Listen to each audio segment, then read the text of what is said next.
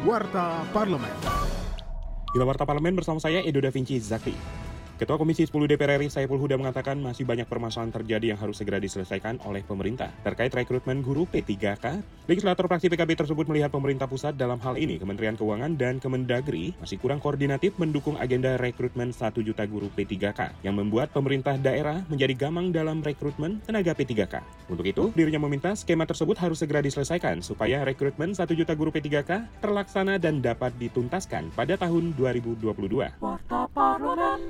Dalam konferensi pers usai sidang paripurna, Ketua DPR RI Puan Maharani berharap calon Dewan Komisioner Otoritas Jasa Keuangan atau DKOJK yang disetujui oleh DPR RI dapat memberikan kinerja yang maksimal dalam memitigasi permasalahan keuangan dan memberikan perlindungan keuangan bagi masyarakat. Calon anggota OJK ini segera bisa bertugas memberikan perlindungan keuangan kepada masyarakat, memitigasi perlindungan kepada masyarakat, bisa melaksanakan tugas-tugasnya secara kolektif dan kolegial untuk membangun kepercayaan sistem keuangan di Indonesia sehingga tidak ada lagi hal-hal yang kemudian merugikan masyarakat terkait dengan investasi-investasi keuangan digital yang saat ini sedang marak e, merugikan masyarakat.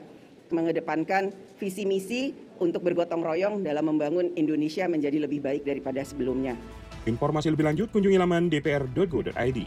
Anggota Badan Legislasi atau Balik DPR RI Lulu Nur Hamida mengungkapkan pengesahan Undang-Undang TPKS menjadi bukti bahwa DPR RI memiliki sense of crisis yang benar-benar mendengar suara dari ratusan ribu para korban kekerasan seksual yang hak-haknya terabaikan. Menurut legislator Dapil Jawa Tengah 4 itu, Undang-Undang TPKS akan memberikan perlindungan penuh bagi korban, baik perempuan, anak maupun semua elemen masyarakat yang mengalami tindak pidana kekerasan seksual.